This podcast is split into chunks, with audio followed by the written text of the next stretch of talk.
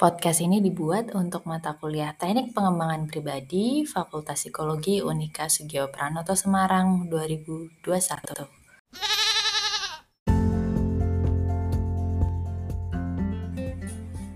Halo semua, selamat pagi menjelang siang. Mohon maaf ini sebenarnya saya hari ini rencananya mau ketemu kalian secara langsung tapi tiba-tiba ada panggilan mendadak gitu ya dari dari yang berwajib dari dinas yang terkait dengan universitas sehingga saya mau nggak mau harus merekam terlebih dahulu perkuliahan hari ini tapi nggak apa-apa kita masih akan tetap berusaha berproses di uh, sela-sela perkuliahan meskipun kita nggak bertemu secara langsung oke okay?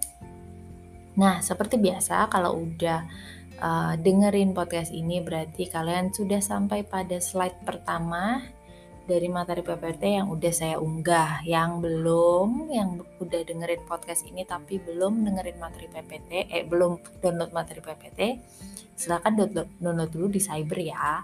Lalu buka PPT uh, slide pertama. Nah, untuk pindah ke slide yang berikutnya, kalau kemarin-kemarin kita pakai suara sapi, nah sapinya lagi capek nih, jadi kita gantian pakai suara kambing, oke? Okay? Jadi jangan lupa tiap ada suara kambing, berarti itu artinya kalian harus berpindah slide ke slide yang berikutnya, sama seperti sekarang kita mau pindah ke slide yang kedua.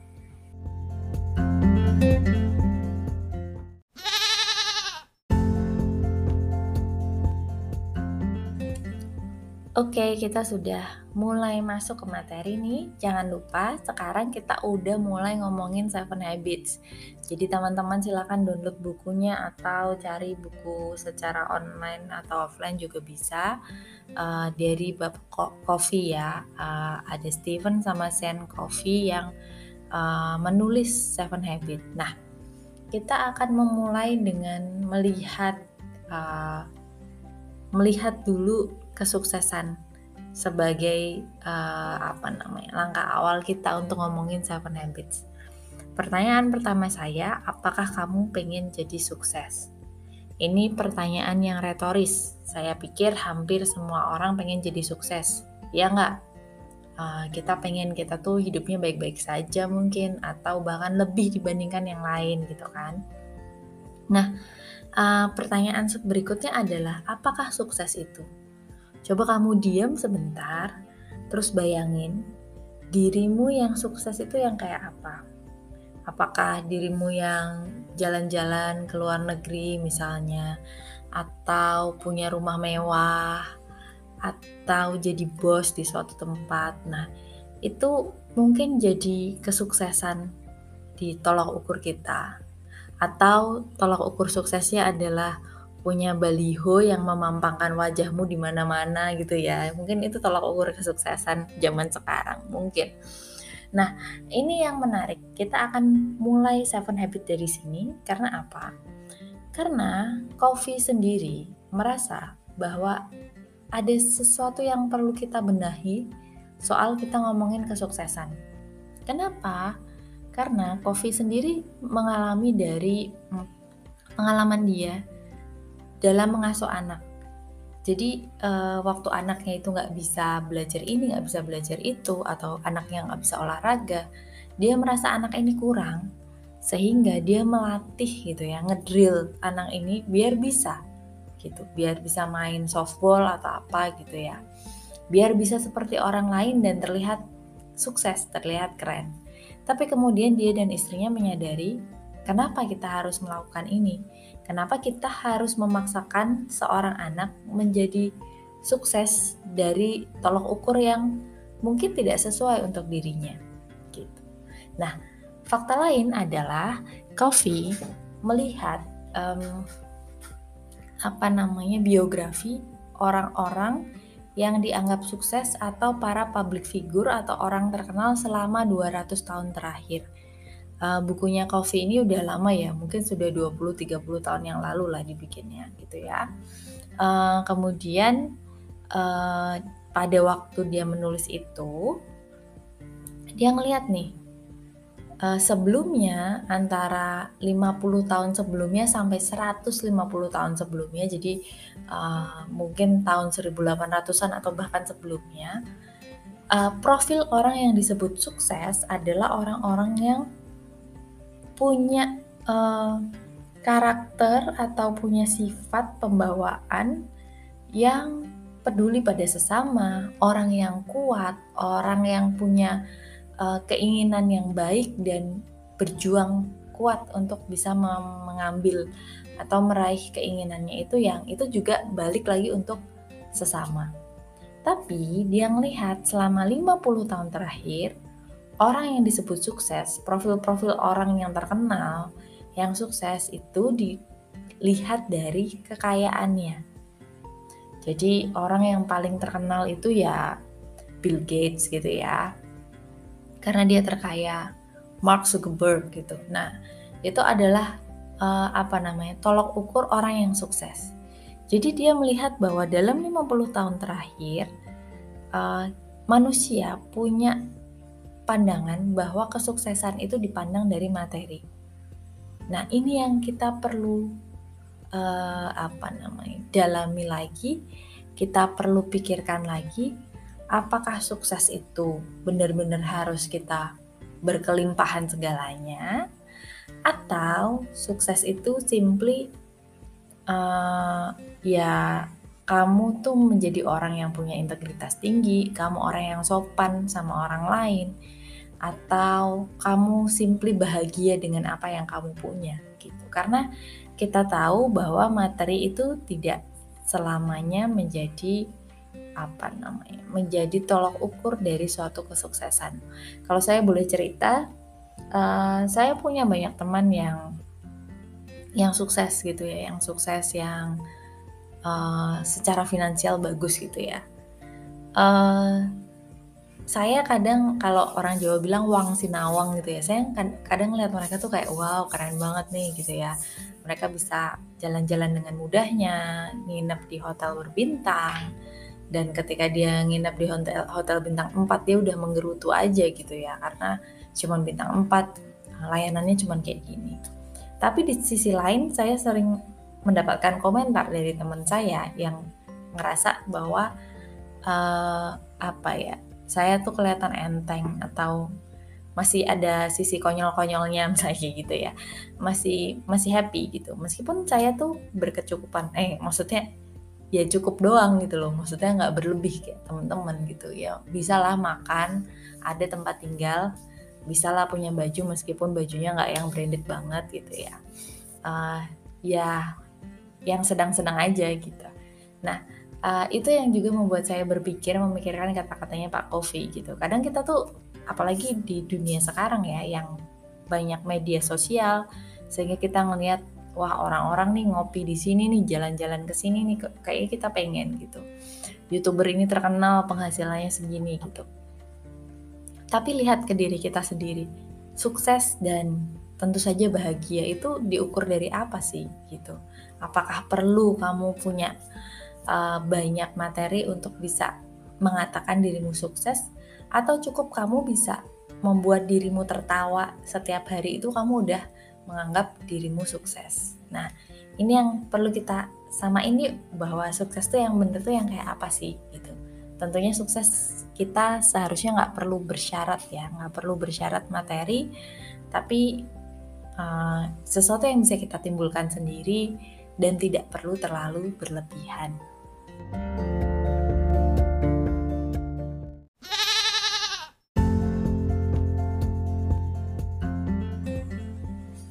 Selanjutnya kita akan ngomongin apa yang Pak Kofi omongin, tapi kita perlu ingat dulu bahwa Pak Kofi ini bukan ahli psikologi ya, tapi dia bikin buku yang terkait uh, pengembangan diri, cuman beliau bukan orang psikologi. Jadi istilah yang beliau gunakan mungkin akan berbeda arti di psikologi.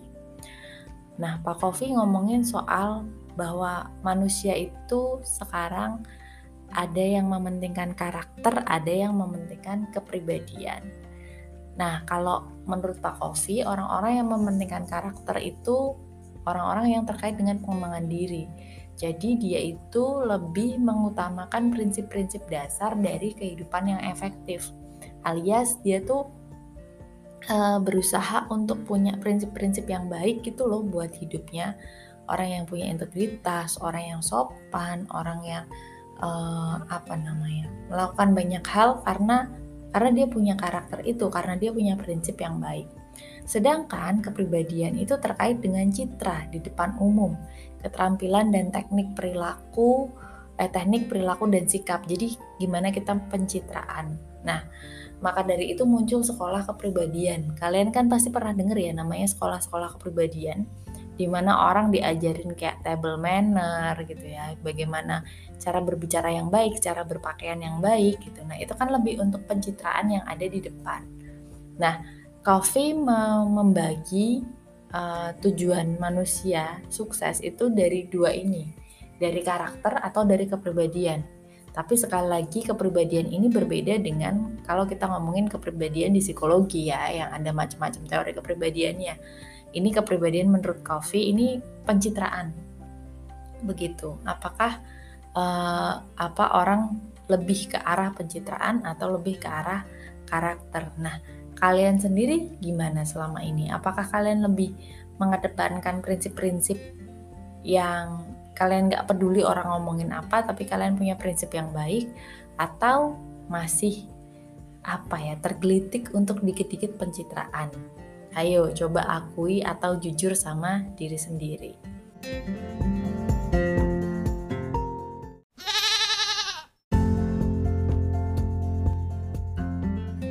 lebih lanjut mengenai karakter dan kepribadian, uh, Pak Kofi punya uh, yang namanya jabaran tentang etika kepribadian dan etika karakter.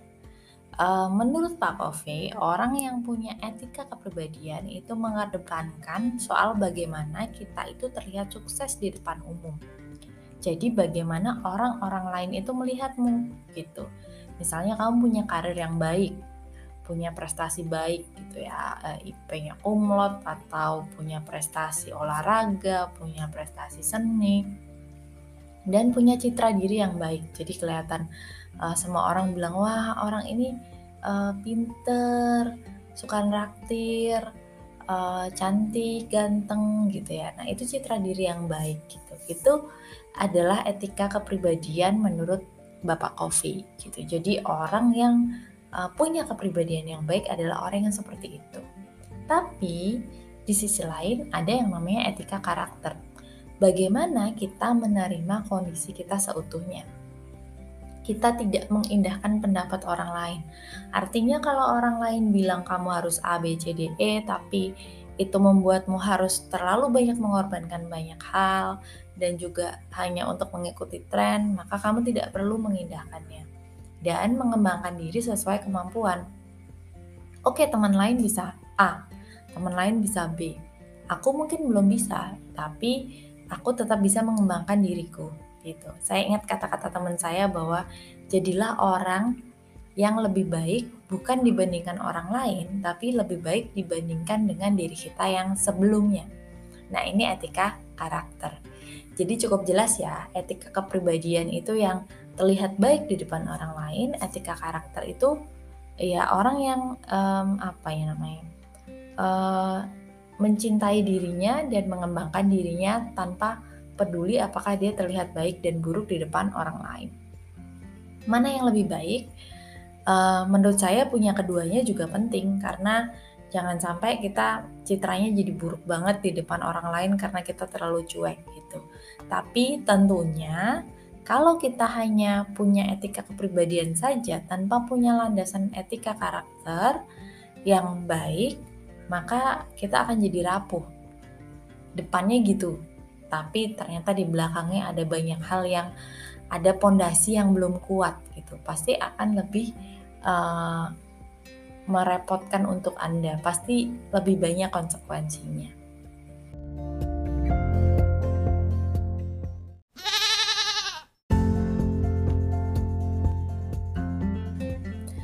Kalau ngomongin soal etika kepribadian, saya suka banget sama quote-nya uh, Jim Carrey yang satu ini. Katanya, I think everybody should get rich and famous and do everything they ever dream of so they can see that it's not the answer.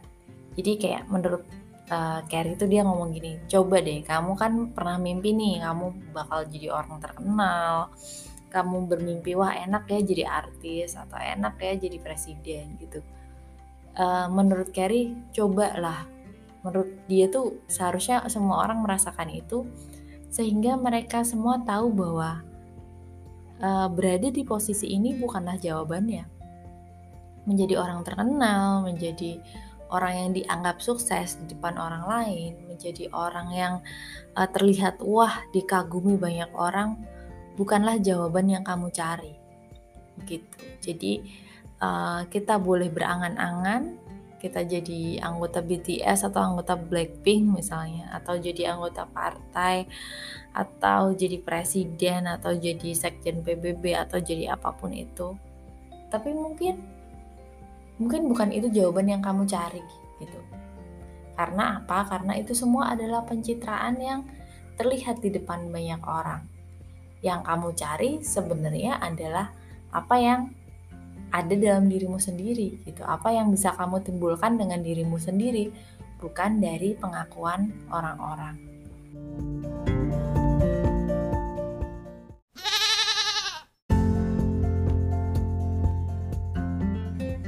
Oke, sesimpel itu sih bahasan kita hari ini. Kita sudah sudah pada penghujung uh, pembahasan kita, uh, dan saya ingin mengajak kalian berdiskusi Oke, okay?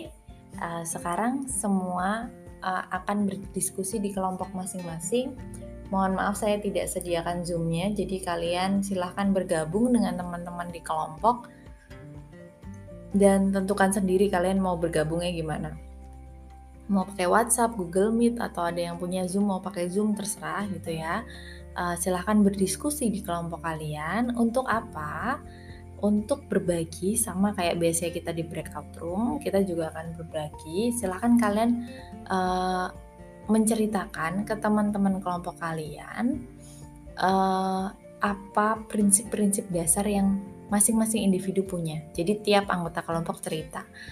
Uh, sebenarnya ada bagianmu yang punya etika karakter. Saya yakin kalian punya itu. Misalnya kamu sebenarnya adalah orang yang jujur, kamu orang yang uh, merasa bersalah kalau menyakiti orang lain, misalnya gitu. Kamu uh, ingin kehidupan yang lebih baik untuk dirimu dan untuk orang lain. Jadi etika-etika karakter yang merupakan karakter baik tanpa perlu dilihat orang, yang merupakan bagian dari dirimu yang seutuhnya.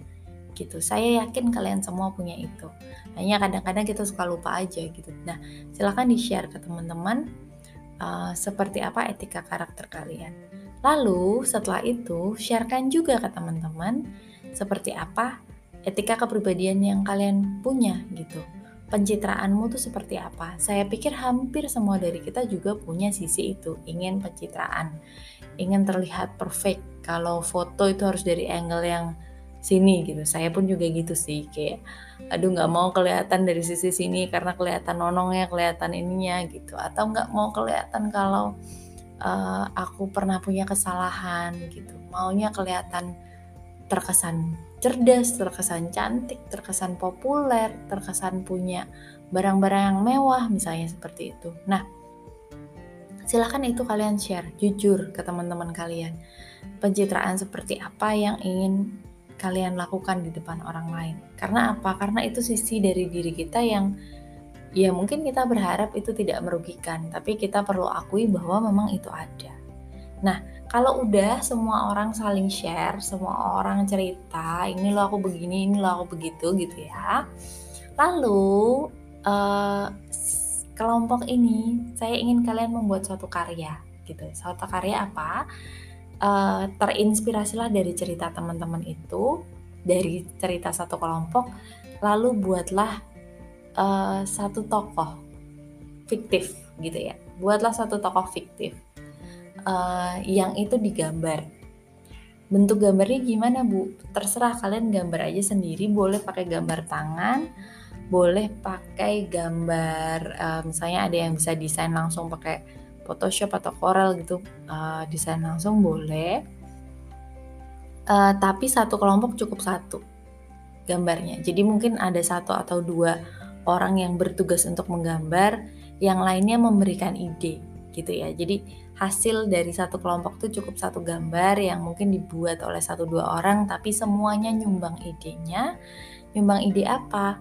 Seperti apa bentuk toko itu? Dan kita beri identitasnya. Jadi kalian kasih namanya siapa, terus mungkin dia tinggal di mana, pekerjaannya apa, terus sifatnya kayak apa, tapi kamu bikin dua dua sisi dari satu tokoh yang sama gitu ya. Jadi satu tokoh yang sama ini punya dua gambar. Yang satu dia dengan etika karakternya dan yang satu dia dengan etika kepribadiannya. Nah, etika karakter dan etika kepribadian ini bisa uh, menjadi rangkuman dari apa yang di-share di kelompok gitu. Jadi, kamu boleh ngambil etika karakter milik milik anggota kelompok gitu.